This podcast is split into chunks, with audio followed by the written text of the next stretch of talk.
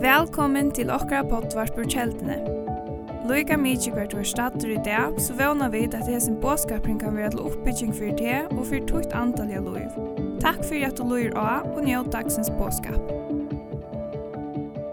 Wow, that was amazing. Can we give the worship team a hand? Ja, det var fantastisk. Gud gjør lovsångs. Thank you, worship team. Takk for lovsångs. Wow, I really enjoyed that. That was fantastic.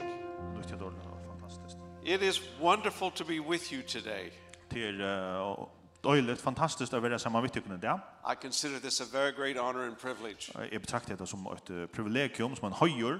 I think you have some of the best pastors in the world. Jeg halte at alltid haft några av de beste pastorene i høymen. You you should say amen to that. Och jag skal øye dit att amen til. Yeah, yeah. Yes. Yes, yes. Well, for those of you who don't know me, Uh, I am an American cowboy. For det som inte kjenner meg, så er jeg en cowboy i USA. Uh, I did grow up in Arizona. Og jeg vokste opp i Arizona. But I have I have lived in Sweden for many years. Men jeg bor i Sverige i nekvar. I live in Skåne. Jeg bor i Skåne. So if you speak Swedish to me, you might be surprised that I will answer you. Så hvis du tosa svenskt med mig så blir det kanske överraskande men i Sverige det kan alltså. Kära Gud, halleluja. I have three Danish grandchildren. Jeg har tre dansk abbabøtten. They are wonderful. De er fantastisk. They are teaching me Danish. Og de lærer meg dansk. I I I I I have a great appreciation for the Danish language. Jeg setter stor pris på det danske malet. To an American Danish is a throat disease. To for en amerikaner så dansk så er det faktisk en halssjuka. But it is it is a wonderful language. Men det er fantastisk mal. How many of you love the Holy Spirit? Kus nekva du kun elska Heilige Andan. All right, everybody stand up one last time. Lat nødl stand upp i øynene for. All right. Take your fingers like this. Og halt hånden på andra. Point it at somebody and say this. Og peka at omkring og si. You got power, baby. To have a craft, baby. You got power, baby. To have a craft, baby. And then you may be seated. Og så kan du seta dig atter. Let me let me begin with the story. Emil, gärna börja med en servo. I grew up in a very different home. Jeg, jeg vokste opp i en heim som var øyla nekv ørvese. It is so far away from what you have here. Det er så lengt vekk fra tog som tid hava her. But when I was 14, I decided I didn't want to be a cowboy anymore. Men da jeg var fyrstan, så bestemmer jeg meg for at jeg skulle ikke var cowboy her langer. So I tried to be a Buddhist. Så jeg rønte å være buddhist. I tried to be a Hindu. Og jeg rønte å være hindu. I was recruit I was recruited by the Muslims. Muslimaner runt om mig så impast. That was an interesting experience. Det var ett en ahåverd upplevelse. I was I was a Mormon for 5 weeks. Och jag var mormon i fem veckor. Okay, that was a really weird experience. Det var en ekvelig, ekvelig løye opplevelse. And so by by the time I was 18, I had I had I had seen a lot. Så tar över Achan har tar långt uppleva en rikvo. So one night I was invited to a barbecue. My brother and I were invited. Så kvällte så blev Botchman är bjöd til en grillfest. And you know, the food was great. Og maten var fantastisk. Small group of people. Vi var till bulkar av människor. And then they said Men och så sa de How would you like to receive power? Gosse hei du haft av jeg finner makt eller vald vil det ha det. I said, you have no idea who you're talking to. Jeg said, tid av ikke anelse av hvem de tås av i. I gave them my history. Jeg fortalte dem søvn ikke mer. And they said, but you've not received the Holy Ghost. Men de sier, du har ikke tidlig med til Andan. And I said, what is that? Jeg sier, hva er det her? And so they went through scriptures. Så de gjør noen skriftene. Would you like to receive? Vil du takke med? I said, sure, I'll try anything. Jeg sier hans, er vi på hva som helst. So, you know, they said, lift your hands. Så det sa, litt hendene opp. I had no idea what that was. Jeg visste ikke hva det var for noe. Repeat after me. Og, og enda takk etter meg. Så, so I did everything they said. Så jeg gjør alt som de sa da. And nothing happened. Og ikke hendte. Hallelujah. Nothing happened. Ikke hendte. And then they said. Og så sa de. Did you believe that you would receive? Tror du at du først att få? I said no. Så sa nei. He said let's try that again. Så sa long promoter. Jesus. Jesus. Baptize me in the Holy Spirit. Døyp meg og i höll andan. I receive you. Ett hatch mode där. Now. Nu. Something happened. Men ta hänt i akkurst. A power came upon me. En kraft kom över mig that radically transformed me. Som totalt ombrøtte meg. I prophesied for the whole night. Jeg profeterer i alt kvöldet. The whole night. Alt kvöldet. And I didn't even know what prophecy was. Og jeg visste en gang hva det var jeg profeterer. It was an overwhelming experience. Alltså det det var alltså ett överväldigande upplevelse. And for the next 3 days I was living in a cloud of God's presence. Och då nästa trutja dagen då levde jag akkurat som en skugga av Guds närvaro. At 4 o'clock in the morning my brother and I went home. Klan 4 om morgonen så får Bodgman i hem. And my dad met us at the door. Och pappa min han mötte jag i horene. Now my dad looked like John Wayne the cowboy. Pappa min han luktade akkurat John Wayne, visst du känner han. And he was a very tall man. Och han var en höver man var. So he looked at us and he said, "What have you boys been doing?" Så han hukte och sa, "Vad har du drunge just.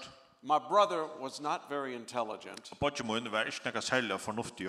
And he said, "Why we got baptized in the Holy Ghost and now we speak in tongues." Han säger vidare och döpt i Helige döpt i Helige Anden och nu talar vi i tungor.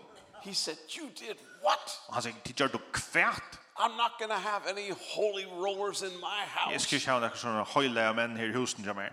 I'm going to call the Methodist minister in the morning. He's going to talk you out of this. If rinja till metodista prästen i morgon, han ska nog snacka dig till förnuft. So at 10 o'clock in the morning. Så klockan 10 morgonen efter. Brother Gibbs was in our living room. Så kom bror Gibbs hem till oss och satt här stående. My dad told him that we were into some weird things. Pappa fortalte honom att vi var fannar på och så helt under allt. Brother Gibbs said, "What have you boys been doing?" Och bror Gibbs han sa, "Kvärt har tid runt just."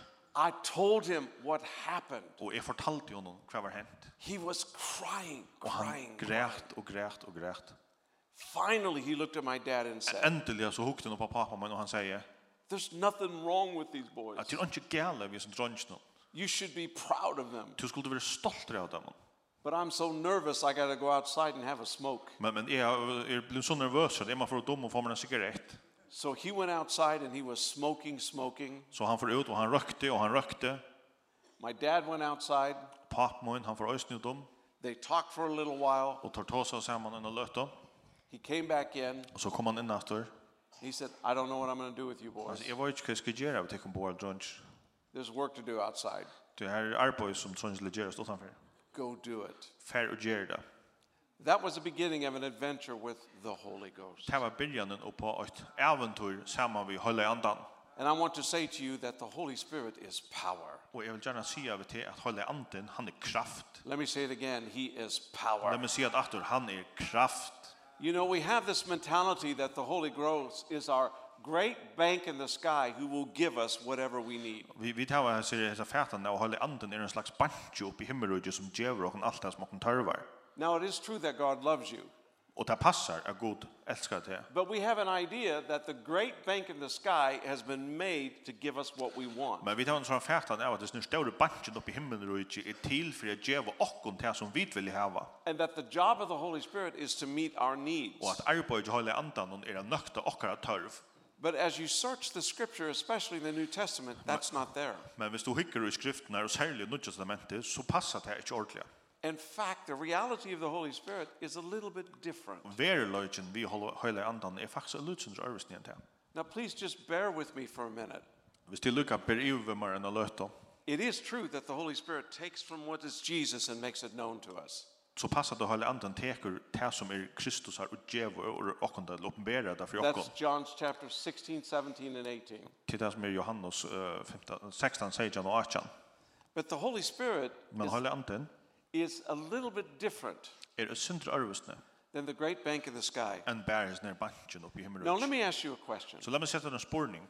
How many of you would like to get a prophetic word today about money? Kusen nekva at ekon hødu ingsar a profetist år i det om pengar. Come on, how many of you come on, how many of you want a prophetic word about money? Kusen nekva at ingsar a profetist år om pengar. Okay, just just be honest, just raise your hands. Ver bara pur ærlig, kor handen upp. Okay, yes, it's a trick question. Ja, det er sundur snøyte spørsmål because there are no personal prophecies in the Bible about money. to det er onkar personliga profetier i Bibeln om pengar.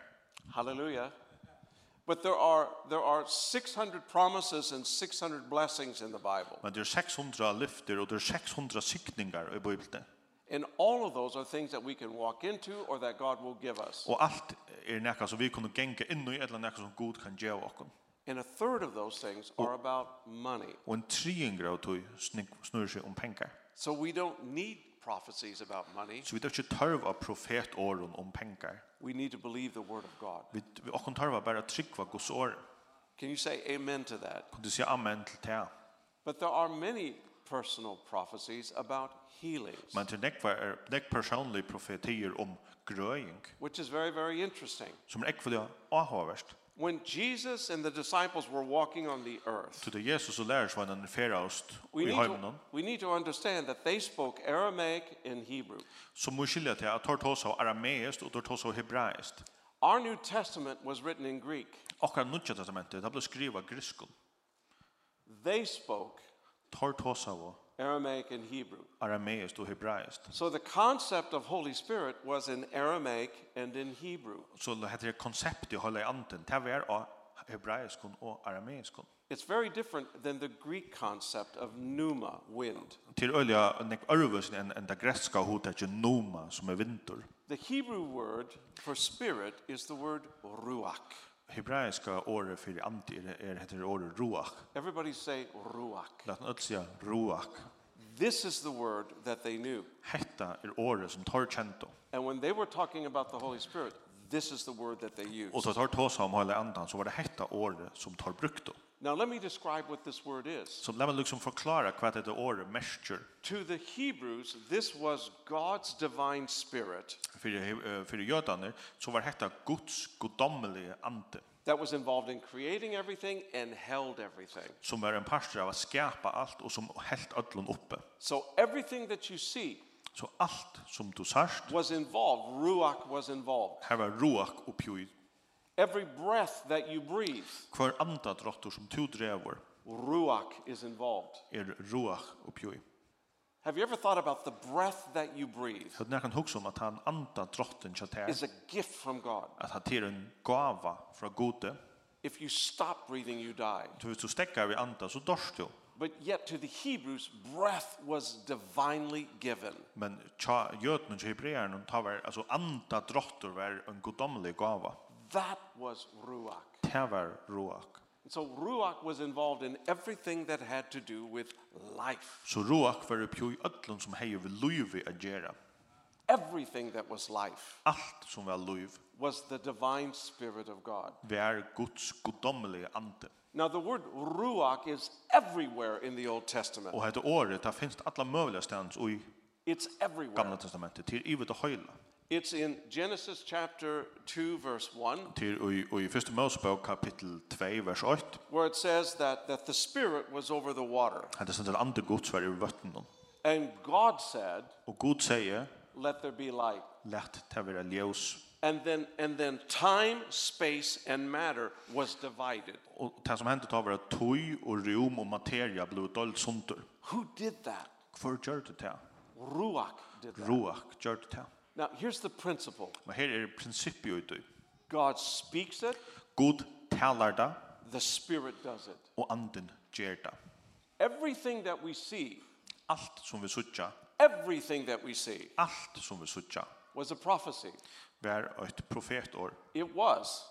Om det var det. It was in God's mind. Det var i Guds tankon. But he spoke out things that had never been. Men han talade ut näka som onkan till hej värre. And he kept speaking things. Och han helt fram vid att tala ting. never been. Som hade onkan till värre. And the spirit followed og anden han fyllde etter and created them og skapte dei according to the declared word of God sambart Guds ord isn't that powerful er det ikke And so the way that it works in our life. Så maten som det fungerar i okra löve. God speaks it. Är det god tala det. The spirit does it. Och anden ger det. Now we want the spirit to do everything for us like the great bank in the sky. Och vi vill gärna ha anden att göra allt för oss som är den stora banken uppe i. But when you study the Holy Spirit. Men tar du ordentligt studerar hela anden. You are you are you are overwhelmed with the power of the spirit så blir man liksom tidsen av bøle, av kraftene, tja høyla andan.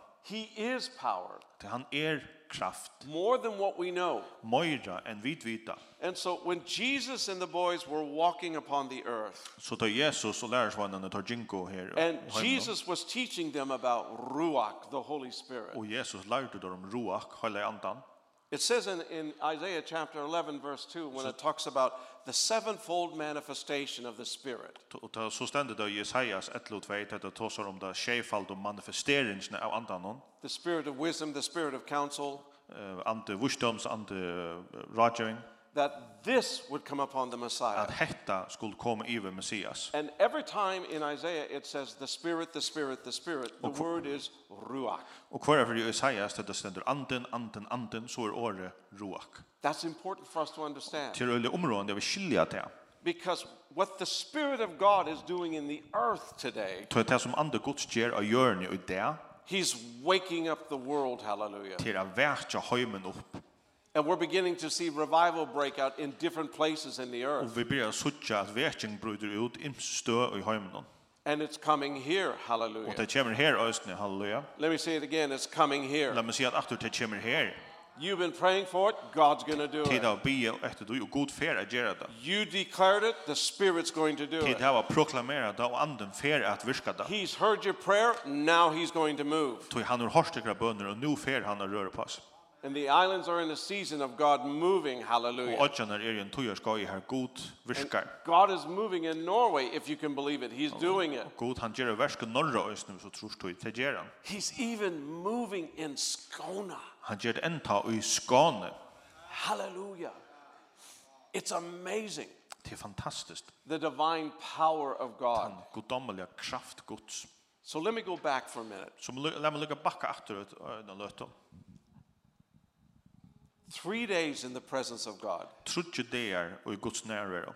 I was working in a factory. Jeg arbeidde jo i en verksmiljø. I knew no worship songs. Jeg kjente ongar lovsanger. Beautiful songs today. Og David og Nick var vakra sanger. The most spiritual song that I knew. Tan mest andalig sangren som jeg kjente. Was Stairway to Heaven by Led Zeppelin. Var Stairway to Heaven til Led Zeppelin. Oh, come on, you hippies, I know you're here. Ja, hippier, det er jo at det er, til kjenner So I was making up my own words to Stairway to Heaven. Så jag fann på min egna ord till läge i Stairway to Heaven. And my the the second most spiritual song I knew was Smoke on the Water. Den näst mest andliga sången som jag kände, det var Smoke on the Water.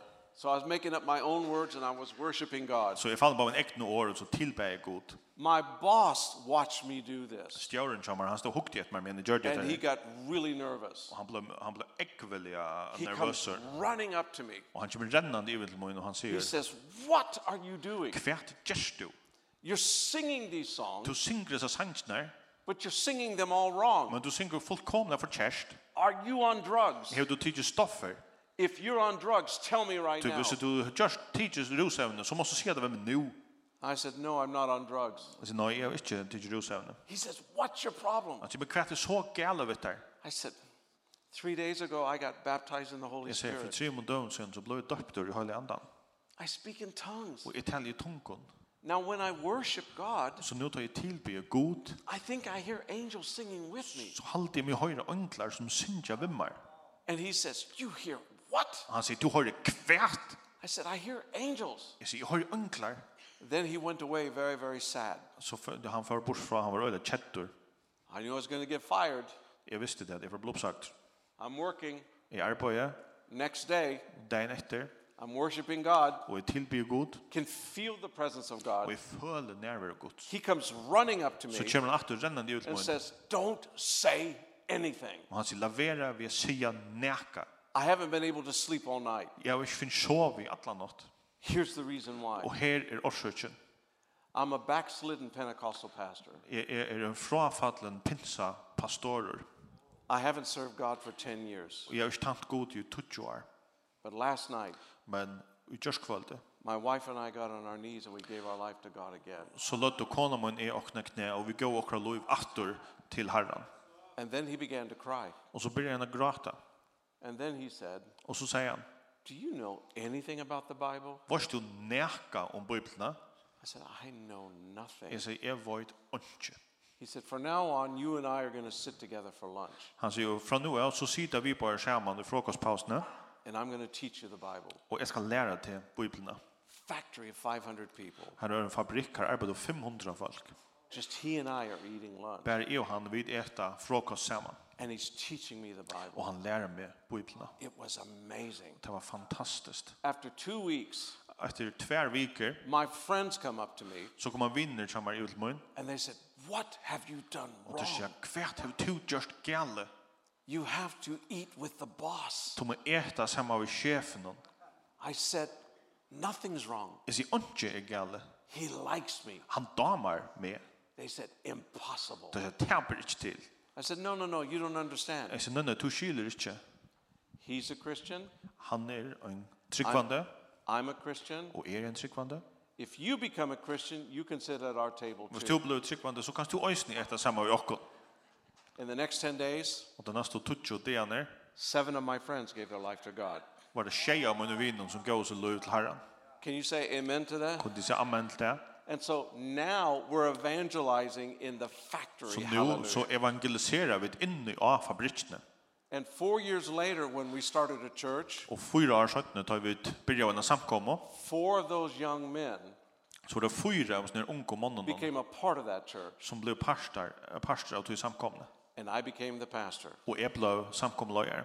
I believe in the power of God. Jeg tryggve av kraft Guds. Let me say it again. I believe in the power of God. La meg si at etter, Er tryggve av kraft Guds. Look at your neighbor and say, power, honey. Hikk til nabegvann og si, kraft, honey. Just say, power, power, power. Si bare, kraft, kraft, kraft. So the term ruach is very, very powerful. Så det er ruach til øyla kraftmykje.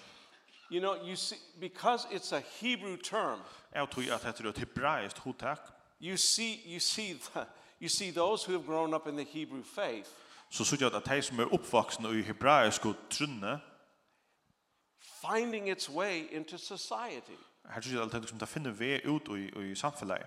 Guess who wrote the screenplay for Star Wars? Kvar halda dit skriva i handritet til Star Wars. A bunch of Jews. När jötar. Guess what the force is?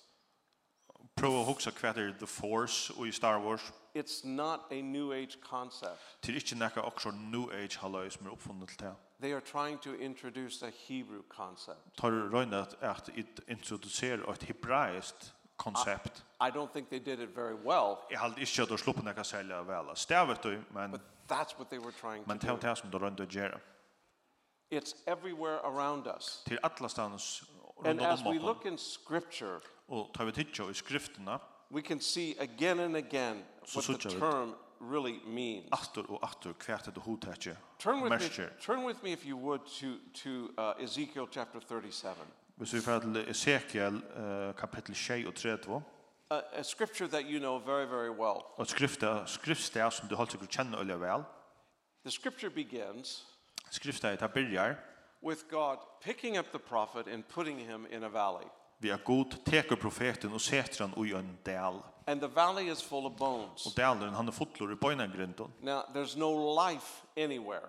Og her er ikke loiv nærkastans. Now the bones are symbolic of Israel. Og hese bøynene, eller knoklene til et symbol på Israel. But it's also symbolic about us, our families and our friends. Men det er en mynd om, om, om okkon, okra familie, okra viner. It's people who have once lived till folk som har ögna för liva. But now there's no life in them. Men nu är inte liv efter dem. Now this is both spiritually and naturally. Hade bär ju ut i andliga men ösn ut i naturliga. It's very interesting what what what God says to the prophet. Och det är ohavert som Gud säger vi profeten. Let's read verses 4 through 6. Gå läsa vers 4 till vi 6. Go ahead. Ta sig han vem profetera om Jesu boyn och se vitt dig til torrebøyen, høyre år herrens. Så sier Herren, Herren vi hese bøyen. Jeg lette anda komme ut tikkun, og til skulle være livande. Jeg skal seta sinar av tikkun, lette hold komme av tikkun, dreja hu iver tikkun, og djeva anda ut tikkun, og til skulle være livande, og til skulle sanna at jeg er i Herren. Okay, so here's, here's, the, here's the principle again. Så so her er prinsippet atter. God said it. God han sier det. The Spirit did it og anden han gjør det. The prophet prophesied it. The prophet and han profeterade. It was actually the Lord that said it. Du det var faktiskt var det Herren som sa det. And the Spirit did it. Och det var anden som gjorde det. And so the Bible says that all of these bones came together. Så Bibeln säger att alla så bonerna de kom samman. A great rattling.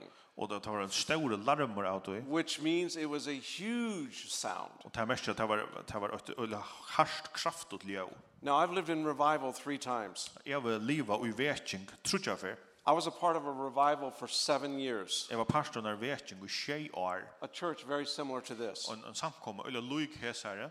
We had between 500 to 800 people every night for seven years. Vi hattu millum 5 og 800 folk första einasta kvöld i tjej år.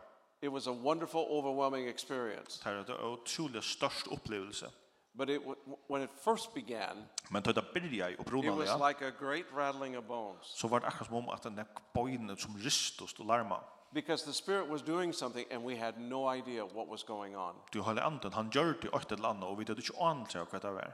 There were a whole lot of people that were coming. Han var öjliga näkt människor som kom. It was a great rattling sound. Og det var en stor larmer av det. And every time when you see the spirit of God move. Och kvar vet du sårst att hela anden han ger något och. You might think it's confusion. Så helt du kanske att det till förvirring. But actually there's a divine order to it. Men här är en en en gudomlig ordan eller gudomlig skil. Because God knows exactly what he's doing. To God void akkurat vad han ger. And so these bones came together. Så så bönna det kom samman. The Bible said that flesh came upon this. Och Bibeln säger att hold kom av bönene. They looked like people. Och nu såg det ut som människor. But there was no life in them. Men här var inte liv i dem. Okay, now let's go on a little bit more. You know the scriptures. Så vi ser färdigt lite längre. Let's read verse uh, 9 and 10. Vi läser vers 9 och 10. Ta säger han över mig, profetera och tala till andan. Profetera människosonor och se vi andan, så ser Herren Herren Kom ur attenon fyra andi og blas av hessar dryppnon så da kunne livna opp atter. Jeg profetera i ånd så han er givet meg på om, og anden kom ut her, og tar våre livande og røstest av føtter over hans staurer herrer. So again, it was spoken. Så atter, ta vær tala. And the spirit breathed on them. Og anden han, han blåste av dem. Okay, now let, let, me, let me just say this to you. Let me bara säga hetta. On the night of Jesus' resurrection. Tack kvällte ta i Jesus rös upp. In John chapter 20. Og Johannes kapitel 20. The disciples were in a locked room for fear of the Jews. Ta var och lärarsvännerna i en lösten rum undir där rattos jötarna. Jesus is there. Jesus han er her. People said he walked through the wall. The Bible doesn't say that. Folk säger at han gick av väggen. ta säger Bibelen inte. It just says he showed up. He was there. Ta stendur bara at han var her. They were afraid. Og ta var bänkner. He spoke peace to them. Men han talade fri til tåra. And then he did something incredible. Og så gjorde han näka fantastiskt otroligt. He breathed on them. Han blåste til han anda i atar. He breathed on them. Han andade i atar. In the same way that the bones in Ezekiel were breathed upon. Og sama hårt som det var anda och bönen i Ezekiel. This was his living army. Hetta var hansara livandi herrar. But did not have his breath within them. Men hei ikki hansara anda í sér. We have to remember that when when the boys were out healing and casting out devils. Vi minnast at tøy tøy var ute, tøy tøy grøtt og folk og tøy kasta og andar ut. The Holy Spirit had not been given to them. They did it in the name of Jesus and by the authority of Jesus. Tar hela anden, ta ikkje finn finns anden, men ta gör det i Jesu navn og i Jesu myndelöka. But now he breathed on them. Men nu så anda han atar. And he said two things to them. Og han säger tve ting. As the Father has sent me, I'm sending Som you. Som Fadern har sänt mig, sänder jag. Again, this is in Ezekiel 37. Atur heter i Ezekiel 37. Because if you read after this these verses, it says this. Tus man läser det lite längre så ständ så. These bones are the house of Israel. At hese boin er hus Israels. And I will resurrect you again. Og eg skal røysa til uppattor. And I will bring you into a new land. Og eg skal leia tykkum inn í eitt nýtt land. It's the same thing that he's doing here in John chapter 20. Til det sama som han ger her i Johannes 20. So he breathes on them. So han antar ator. He gives them a commission. Og han ger dem en mission. And then the second thing he says this. Og det nästa som han säger till. And this is powerful. Og hetta er øyelig kraftot. Whoever you forgive, they are forgiven. Han som tid fyrirgjöva, de er fyrirgjöva. And if you don't forgive them, og hvis du ikke fyrirgjöva dem, they are not forgiven. Så er de ikke fyrirgjöva. Wait, wait, wait, wait, wait. Ba, ba, ba, ba, ba, ba. Wait, wait. I thought only Jesus could forgive. Jeg helt bare Jesus kunne fyrirgjöva. Okay, He is, he is our savior. Han er okkara frelsare. He is our righteousness. Han er okkara rattvose. He is our atonement. Han er okkara uh, He is all of that. For øyning, og han er alt det. He takes our sin. Han teker okkara synd. And he throws it. Og han tvøyter hana Into forgetfulness. Ui glemskene. He doesn't remember it. Og han minnes han ikke langer. But he says here. Men han sier her. You have the power to forgive. At du har kraften til å fyrtjøve. Now think about that. Så prøv hugsa som det. How does that happen? Gusse hendur ta. It could not happen if he wasn't breathing on you. Ta kunti ikki hent hvis han ikki andai atar. It could only happen by the spirit of God. Ta kan bara henta við anda Guds. Not by your will. Ikki við tunum vilja. But by your alignment with him. Men tu ja tu sama við hon. And so when Jesus is saying this to these boys. So ta Jesus syr at her við sær lærar Again we have it in the Greek. Vi tar da ut i griska.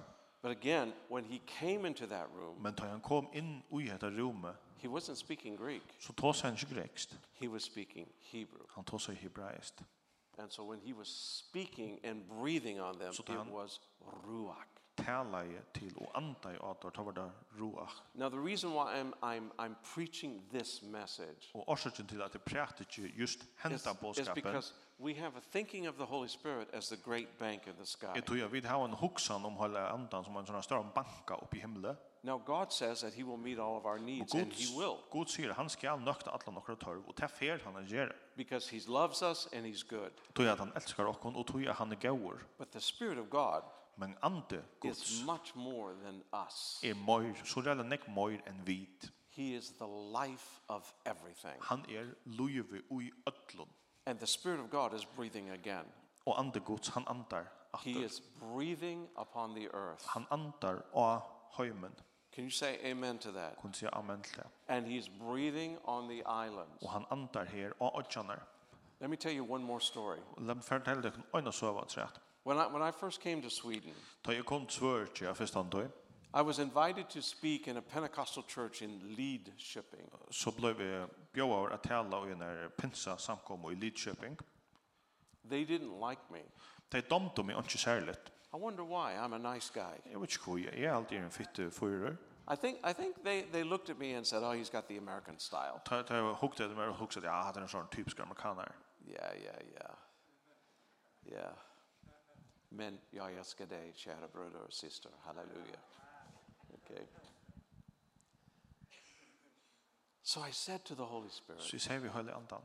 These people want to kill me. Alltså faktiskt inte att låtsas gör ärvem. And he said, "Yes, they do." Alltså ja, det gör det.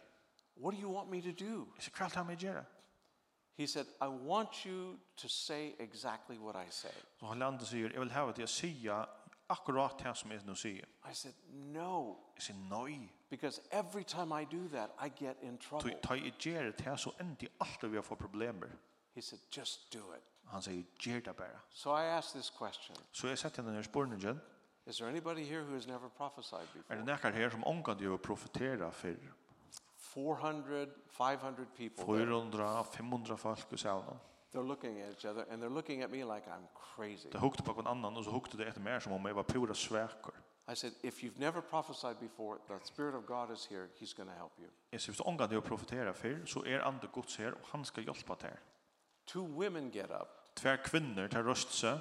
One is over 70, the other is over 80. Ein var eldre, morgen og fjers, og himma morgen forsra gammel. And I think they're going to the bathroom. Og jeg helt at der er vi ut av vese. But they walk to the front. Men der ginko fram til paddelen. They walk on the platform. Og opp av plattformen. They're standing next to me. Så standa der her så innan mig. I said to the younger one. Jag säger vid yngre av dem. Do you want to prophesy? Inte to a profetera? She said, "Nei, mamma." Hon sa, "Nei, mamma." Mamma wants to prophesy. Hon vill profetera. Now everybody's really interested with what's going to happen. Nu öll öll ahoa ju kvärt är som nu för hända. So I said, "Mamma, do you want to prophesy?" Så said, mamma, "Inte to a profetera?" Ja, visst. I said, have you ever done this before? Jeg sier, har han gjort dette før? Nei. But you want to do this? Men du ikke gjør det her. Ja, visst. I said, okay. Jeg sier, okay. The Spirit of God's going to come on me, He's going to come on you. Hal anden han får komme over meg, og han får komme over til. You're going to see, feel, hear something. Og du får sutja, føle, etla, høyra, akkurst. Just release what you have. Og forløys bare det som du hever. So I prayed. Så jeg ber had my arm around this little lady. Jag armen runt om henne så kom det konna. The spirit of God came on her. Och hela anden kom på över henne. She was shaking. Och hon rystes. 86 years old. 6 och fors år gammal. She ripped the mic out of my hand. Hon skryckte mikrofonen från mig. She didn't take it, she ripped it out of my hand. Hon tog den inte, hon skratte henne från mig. And she began to prophesy. Och hon började profetera. And she prophesied for over 3 minutes. Och hon profeterade i mer än 3 minuter.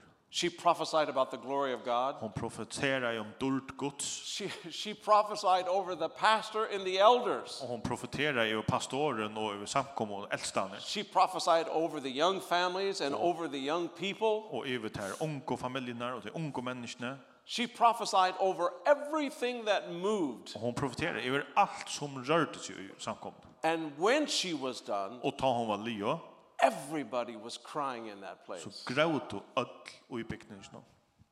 And I looked at her. Och jag hukte efter henne. And I said, you've never done this before. Och tror hon kan du det för? And then she spoke to me in English. Och så tar hon vem en skon. She said, no, I've never done this. Hon sa, nej, jag hon kan det gjort det för. But I've waited my whole life to do this. Men jag har bojat allt mitt liv efter att göra det här.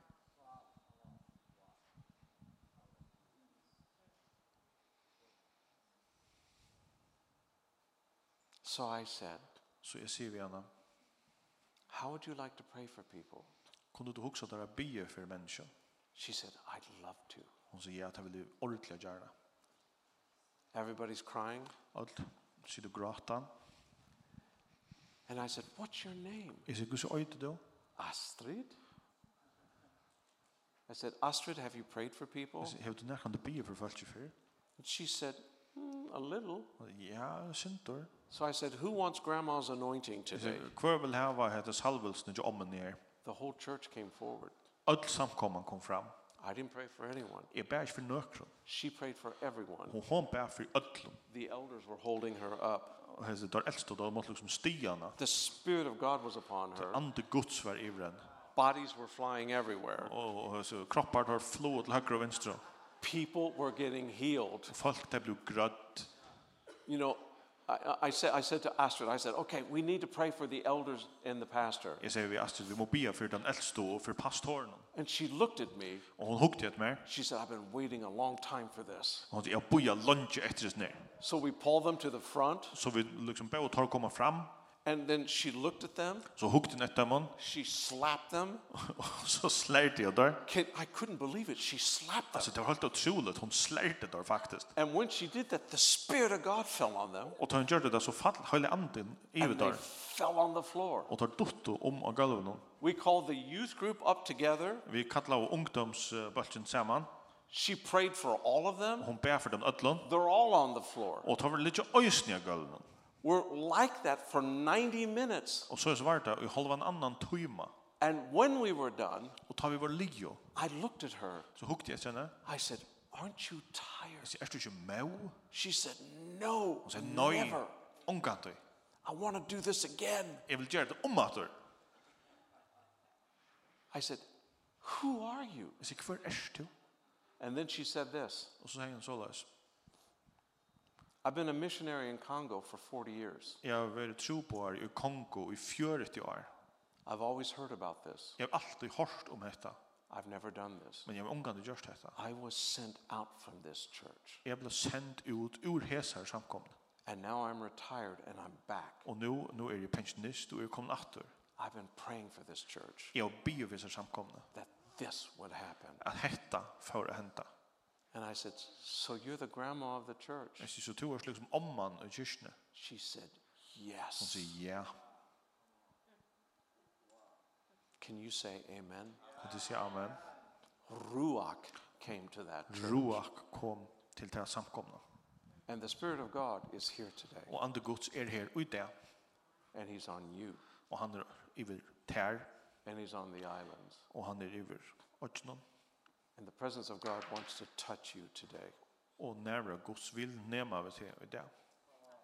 Everybody just close your eyes and lift your hands. Bara at lata en i åter lyfta våra händer. Holy Spirit, I pray right now. Holy Ande, jag ber på nu. That you will touch your people. At du får at nämna vi ditt folk. That you will send the sweet love kiss of your spirit. At du får sända den här kärlekskossen från din anda til okkara.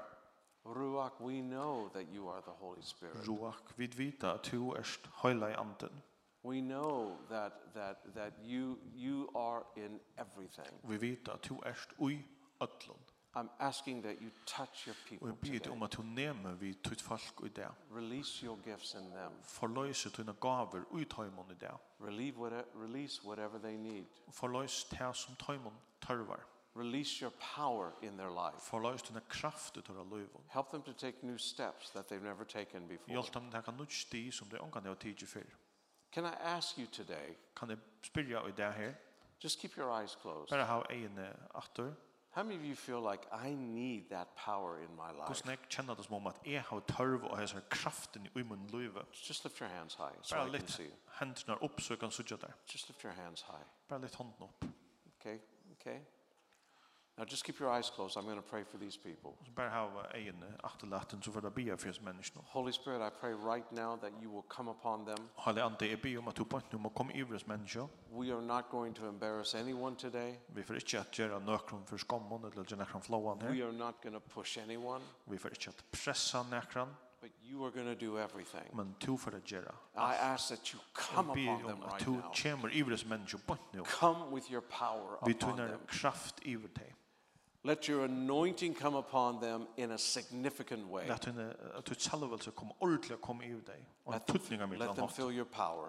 Och let channel to the kraft. Let your divine wind blow on them. Let din gudomliga vind blæsa i day. As Jesus blew on the disciples, he's blowing today. Som Jesus blåste av lärsvännerna så blåser han det. Your spirit is here. Tun anti er her. Release your presence upon. Förlös din närvaro i day. Now can I have everybody stand? Kan du få atlat att röra sig nu? Just everybody stand. Let's just do something real quick. Bara låt dem bara göra ett ordentligt kött. I want you to go find a person. Jag vill gärna ha att du finner omkran. No husbands and wives together, that's cheating. Eh, inte lova män och kvinnor som är gift för kunna örn och inte vara man till deras snuta. Go find a person. Bara finn omkran och join join their hands. Och halt eh sammanhänder vid tajmon. And begin to pray this prayer. Och be hesa bönerna vi tajmon. God release your gift in them. Gud forløys tuna gavo uitei. Just begin to pray. Byrja bara bia. God release your gift in them. Gud forløys tuna gavo uitei mun. Just release who you are in them, God. Forløys han som tu erst uitei mun, Gud. Karabor. And if you want to speak in tongues, speak in tongues. Om du ikkje tala tungon så gerst du bara det. If you don't know how to pray, speak in tongues. Be super tungon. If you do know how to pray, hvis du doer a bia, give your best Holy Ghost prayer. Og gjev du så tuna best og heile andans bøn du doer. Don't hold back. Ikki ikki halda aftur. Release the presence of God today. Forlois Guds nærvaro i dag. He's here, he's here, he's here. Han er her, han er her, han er her. His divine wind is here today. Han sier at guddommelige vindur er her og der. Shere boron. Just touch these people at their praying, God. Nem vis menneskene som de bia.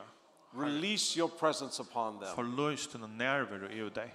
We give you the glory for that precious Lord. Vi ger åt här dulterna, dyra bära Herre. Sanaborando cerebreti araborando ye. Canaboronto sanaborando cerebrato ki. Este borando soroborando sarabrati ai. Lene borando soroboroto sarabrati ai. Yes, yes, yes, canaboronto sanaborando ki. Enda borrando soro borroto sana ai. Ere barrati ara barrati ara ai. Halleluja, halleluja, halleluja.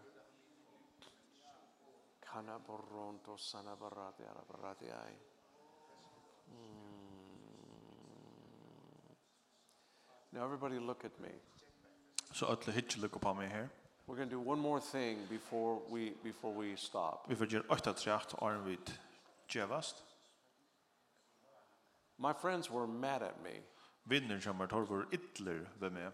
They said you're not like us anymore. Det är två slash lucka som vid är långkor. So they kidnapped me one night. Så jag kvällde så kidnappade de meg. They drove me out into the country. Og körde meg lengt ut av Bölandet.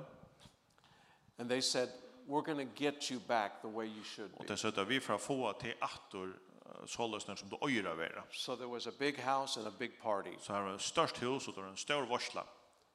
When I walked to the door, I could smell something funny. Ta i jacken John Horna så lukta i ötlan undalt. And it wasn't tobacco. Og det var inte tobak. I, think you know what it was. I roknu jag til vita vad det var.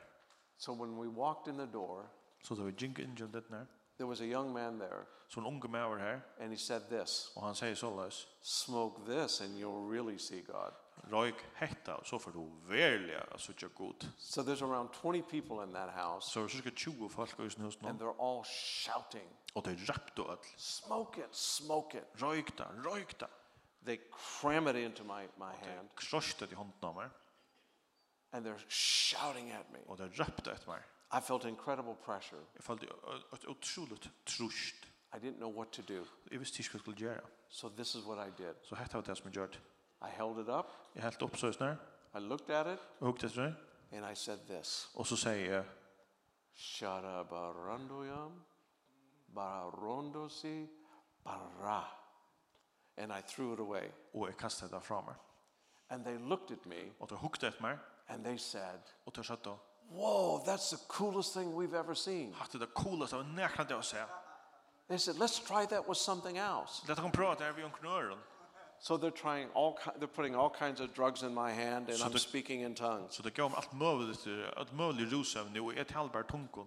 The presence of God was in that room. Till Guds närvaro var ut i rummet after 45 minutes of doing that at när vi det just det är tre kvarter speaking in tongues tal i tungon i asked everyone in that room så spurte jag all i rummen her, do you want to be baptized in the holy spirit? Vil du vara döpt i heliga andan five of them said yes. Fem av dem sa det ja. So before the night was over with så är en kväll var liot five of my friends were speaking in tongues. var det fem av mina vänner som bor i tungon Can you say amen to that? Kan du säga amen till det? Everybody just lift your hands. Låt bara lyfta era händer upp. Just lift your hands. Bara lyfta era händer upp. I'm just going to begin that you you begin to speak in tongues right now. Du bara börja att be i tungor nu. Shara boronto cerebro de ara boronto cerebro de ara. Lere boronto soro boronto cerebro de ara boronto de ara. Lere borrando sona borrato cerebro de ara borrato de ara. Kere borronto sana borrate ara borrate ara borrate ara. Now if you've never spoken in tongues, hvis du you hevur tala í tungum fyrr, and you want to speak in tongues, og du instir at tala í tungum, just lift your hands. just lift your hands up Let me see you. I'm going to help you. Let me søkja tun hand, ty eg skal nok hjálpa deg. It's very very easy.